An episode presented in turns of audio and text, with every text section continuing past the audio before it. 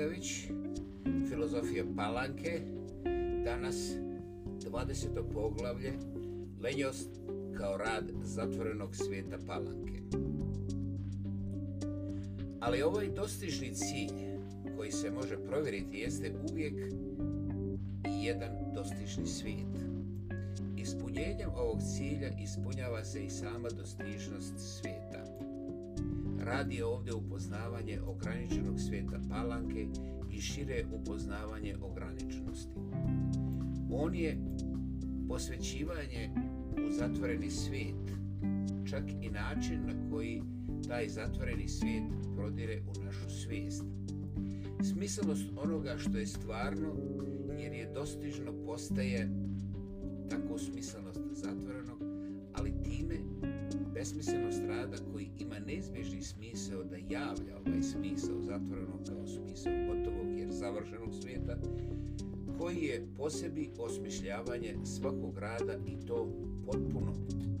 Rad nije potreban čak ni za održavanje ovog zatvorenog skroz determinisanog svijeta koji je apsolutni svijet u slijepom trajanju, u savršen i savršeno statičan jer savršeno otvoren u mirovanju ostvarenosti. Rad kao pokret od subjekta ka objektu, od sredstva ka cilju, od neposrednog ka posredovanom, jeste uistinu paradoksalan pokret koji ima da se izvodi u svijetu ove statičnosti u stvari jedna iluzija pokreta jer iluzija njegove svrsishodnosti njime se ostvaruje ostvareno i uzima uzeto, odnosno njime se ništa ne ostvaruje i ništa ne uzima.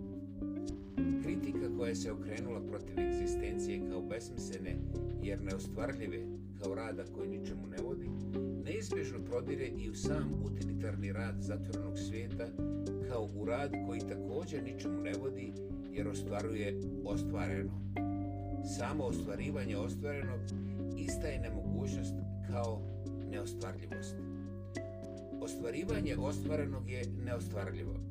Čak između kritike egzistencijalnog rada kao besmislenog jer neostvarljivog i ove kritike utilitarnog rada kao neostvarljivog ostvarivanja ostvarenog, kao da postoji uzročno posljedična veza koja otkriva da je utilitarni rad, ako je smislen, svojevrsni egzistencijalni rad, pa u tom smislu i metafizički, jer i njega čini neostvarenost kao i egzistencijalni rad i da on nalazi svoj besmisao u samoj dostignutoj ostvarenosti, zbog čega se i okreće uvijek novom cilju. U zatvorenom, ostvarenom svijetu on je besmislen jer je njegov cilj ostvaren, dakle krajnje stvaran. Ako on nije podnošljiv, to je zato što nije egzistencijalan, što nije iluzoran.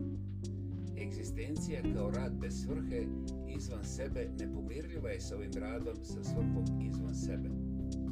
Tamo gdje ona vidi svrhu, stroga utilitarnost vidi sredstvo i tamo gdje utilitarnost vidi ovo sredstvo, ona vidi svrhu. Međutim, egzistencija ne prihvata ovaj rad i zato što ona, kao beskrajno otvorena, ne prihvata nikakvu zatvorenost.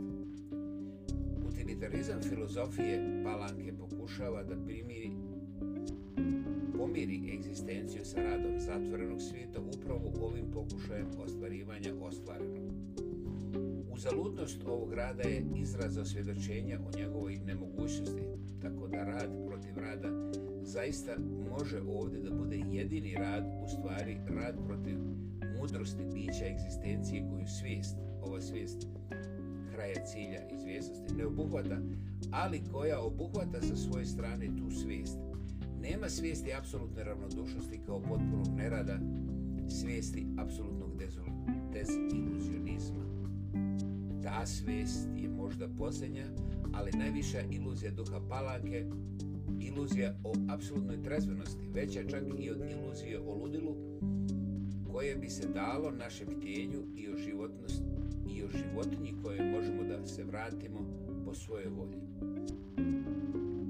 Kao što ne pronalazi ludilo, životinju ili smrt, duh palanke ne pronalazi ni ovaj savršeni deziluzionizam koji je njegova najveća iluzija. Njegova ravnodušnost je idealna. Stvarno, ona je prožeta očajanjem, koje je dokaz nekog makolikog prisustva, nepobeđene iluzije i možda same iluzije da, da se bude u egzistenciji bez iluzije. Da se iluzija spali i da se mrtav živi na njenom pepelu. Očajavanje sadržava iluziju bez koje nema deziluzije pa ni ravnodušnosti. Idealna ravnodušnost bila bi izvan svake iluzije u savršenoj razumnosti, ali time ne i, ne i u egzistenciji koja je razumna nerazumnost i mudra naivnost. Ravnodušnost u stvarnosti je rad protiv iluzije, odnosno protiv same egzistencije, umjesto neostvarenog ludila ili neostvarene iracionalnosti životinje, koji bi izveli iz one svijesti, sanja se ovdje ravnodušnost apsolutne trezvenosti, koja više nema nikakvih iluzija i koja se zbog toga prepušta nemaru. Biti ravnodušno nemaran ovdje je najviši cilj, kao cilj biti mrtav, Prostite. Apsolutna trezvenost kao nekakva čista, sušastvena svijest, nezamrljana ni najmanjom mrljom iluzije, tako se iskorišćava protiv same svijesti, njenim pretvaranjem nema ravnodušnosti, koja težeći svom idealnom stanju teži i ravnodušnosti prema svijesti, koja sanja rasejanosti za svijet i za svijest toga svijeta, o tome svijetu. Ova rasejanost je rasejanost lenjosti, lenjosti koja traži apsolutno smirivanje kao samo ništavilo i koja tome vjerno slijedi duh palanke kao duh zatvornog svijeta, nepomirljivog sa radom egzistencije, sa egzistencijom kao sa radom, ali i vjernošću koja otkriva samu nemogućnost tog duha, pa i nemogućnost savršenog zatvornog svijeta koji on sanja, ili tačnije, koji sebe sanja kroz nju egzistencija se i tu produžava.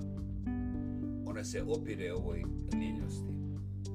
Ona je nepomirljiva sa njom, onako kako je nepomirljiva sa ništavilom, ali ako ova lenost nije ništavilo, ona je dozivanje ništavila.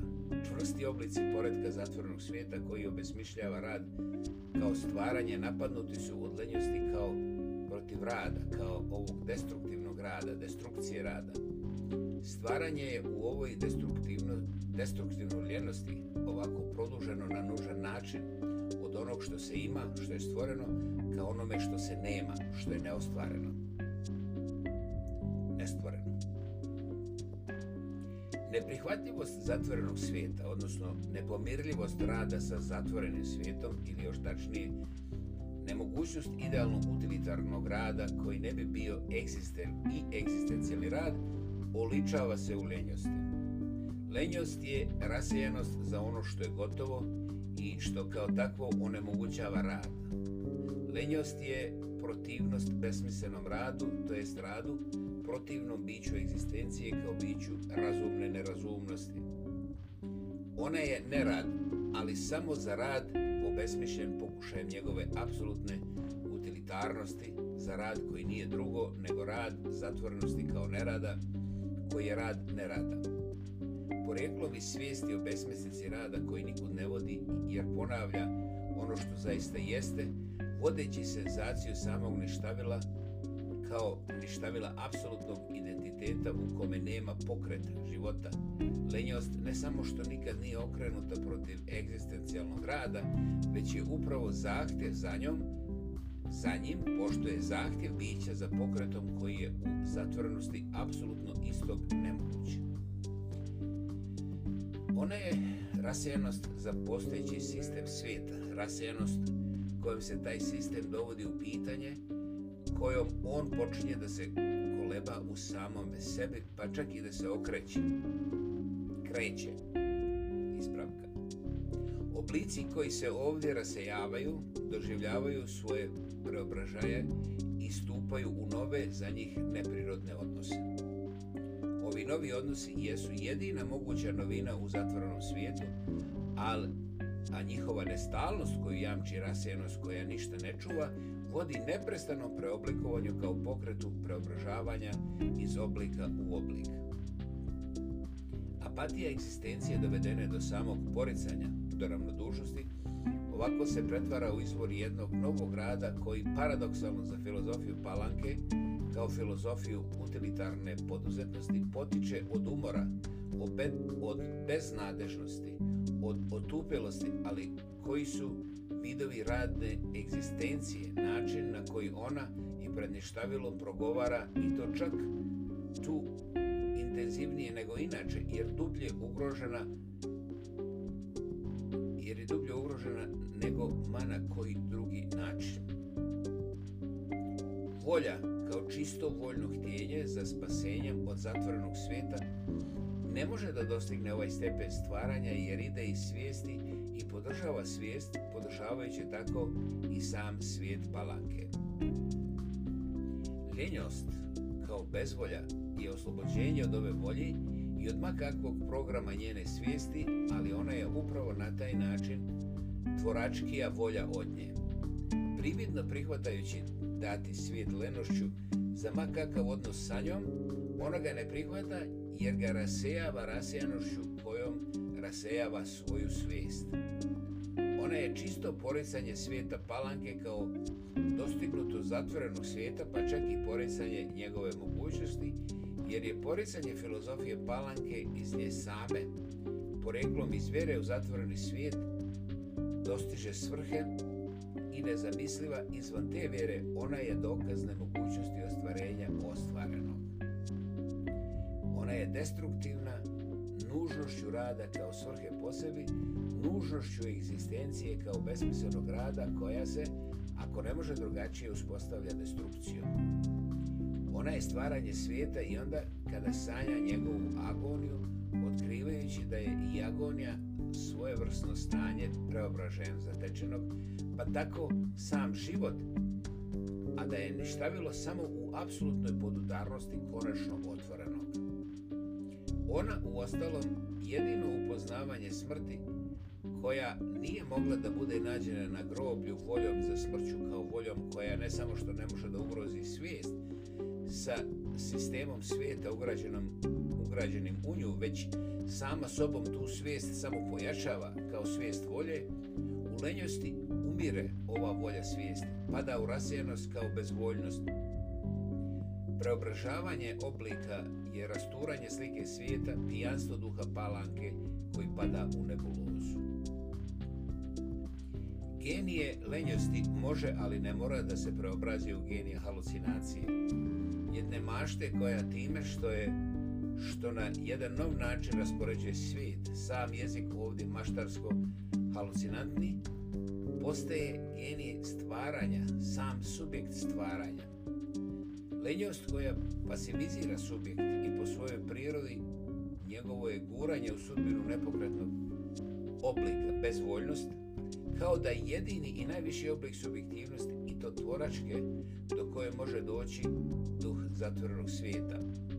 Ona je lenjost za zatvorenost koja voljom pobunjenog subjekta na svaki način sebe potvrđuje, pa na taj način njena bezvoljnost jeste samo prividna jer je volja za ostvarenje, ali volja koja ne može da se hoće i doziva, već koja je udes. Neporečena posljedica jednog svijeta pasivnosti dovedene do one tačke njene kada se ta pasivnost otkriva kao nemoguća i kada se kroz tu nemogućnost apsolutne pasivnosti kao nemogućnost odricanja od egzistencijalnog rada kao svrhe po sebi, otkriva nemogućnost apsolutnog objekta. Zatvoreni svijet Palake ovdje otkriva, upoznaje nemogućnost svoje apsolutne zatvorenosti, upoznajući, otkrivajući nemogućnost apsolutne ljenosti kao apsolutne ravnodušnosti i lenjo se ukoliko je sleđena po autentičnom ukoliko je sleđena po autentičnom udesu duha palanke ovdje samo poriče preobražavajući se u jedan neizbježan rad koji odlikuje nužnost rada ili automatizam, a koji je u stvari sama egzistencija kao neodložni rad, neodložna egzistencija čija volja ne samo što se ne može da ospori voljom duha palanke, već se produžava i mimo te volje po sebi automatski. Iracionalizam koji se ovdje ostvaruje jeste iracionalizam do koga mora da dođe duh palanke ostajući dosljedan sebi. Ovom vjernošću koja se pretvara u nevjernost njemu jer je jer u nevjernost njegovom stavu zatvorenosti. Samo krajnje podavanje ovom duhu kao krajnje vjerovanje u mogućnost zatvorenosti može preko nemoguće apsolutne ravnodušnosti da dovede do nemoguće apsolutne lenjosti koja će svojom nemogućnošću da se pretvori u ovaj rad obrnutog smjera od postojeće zatvorenog ka nepostojeće otvoreno. Iracionalnost je lenjost racionalne strukture svijesti, otvaranje pukotina u koje ona ne uspjeva da sastavi u cjelinu staroga vida, svijet se pretvara u sliku u rasturanju, a njegova težina koja je od njegove konačnosti postaje jedna lakoća oblika koji upoznaju svoju zamjenljivost, pa i proizvoljnost, svoju smrtnost. Ova nehtjena iracionalnost porijeklom upravo iz dosljednosti racionalizmu duhu palanke ne može da se hoće da se postane stvar volje koliko volja zanijeta ovim neočekivano osvojenim poljem stvaranja pokušava da joj da pun svoj pritisak, ona se povlači.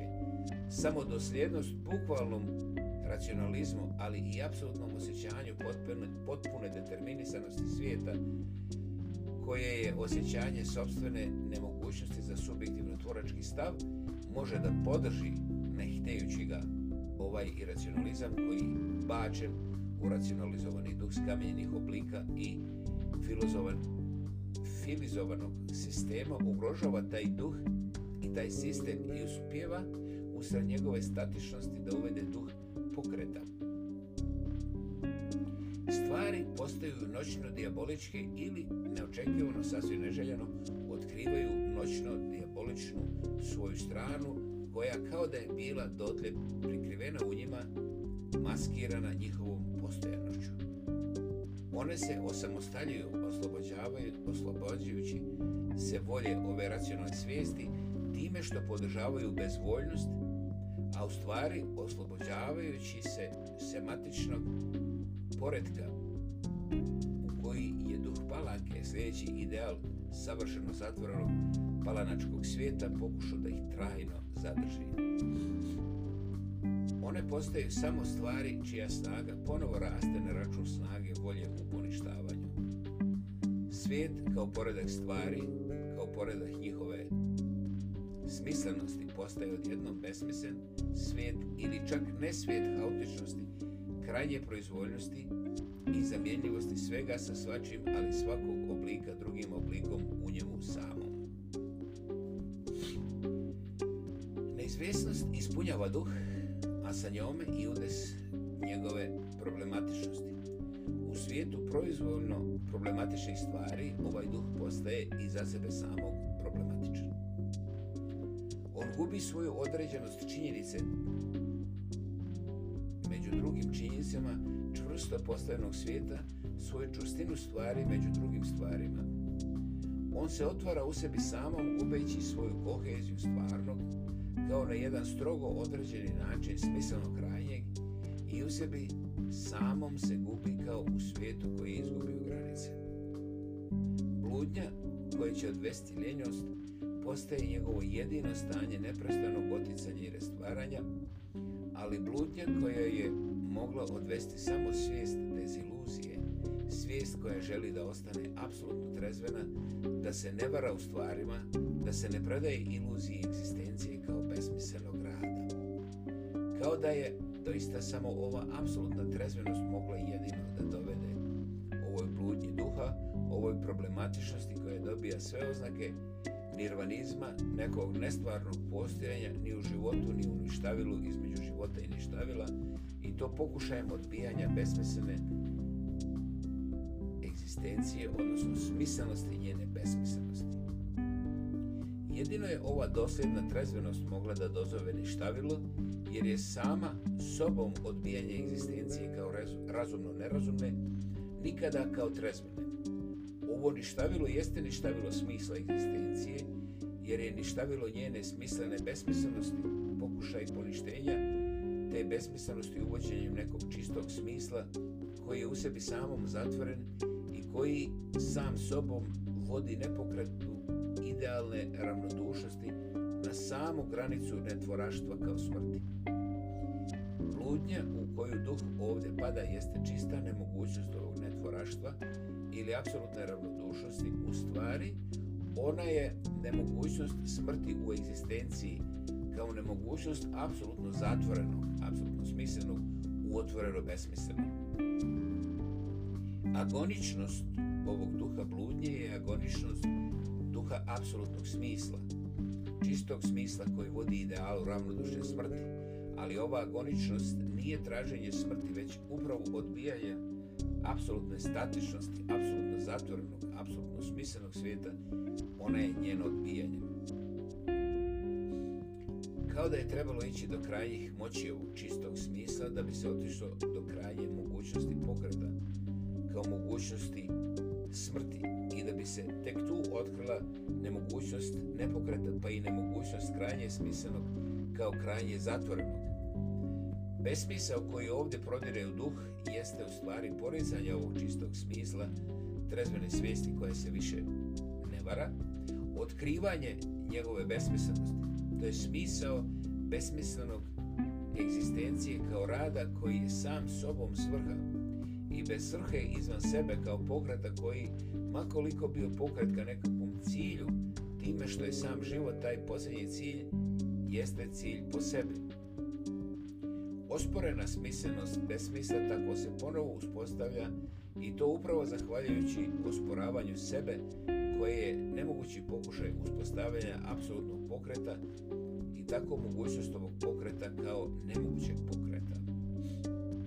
Ako stvari i činjenice ovdje počinju da igraju u, sa, u sebi samima, zahvaćene vrtlogom gotovo nezavršivog preobražavanja, odjednom beskonačno problematične i zato beskonačne, to je pokret koji igra, pokret koji je samom sebi svrha i koji ugrožen apsolutno smislenim što zatvara apsolutni identitet i time baca u ponor ništavila koje je ovdje ponor apsolutnog identiteta te smrti pokreta onoga što je sebi beskonačno jednako u takvoj jednakosti koja izmiče svijesti. Odjednom stvara besmisleno razarajući taj apsolutni smisao ovom besmislenošću kao samu smrt.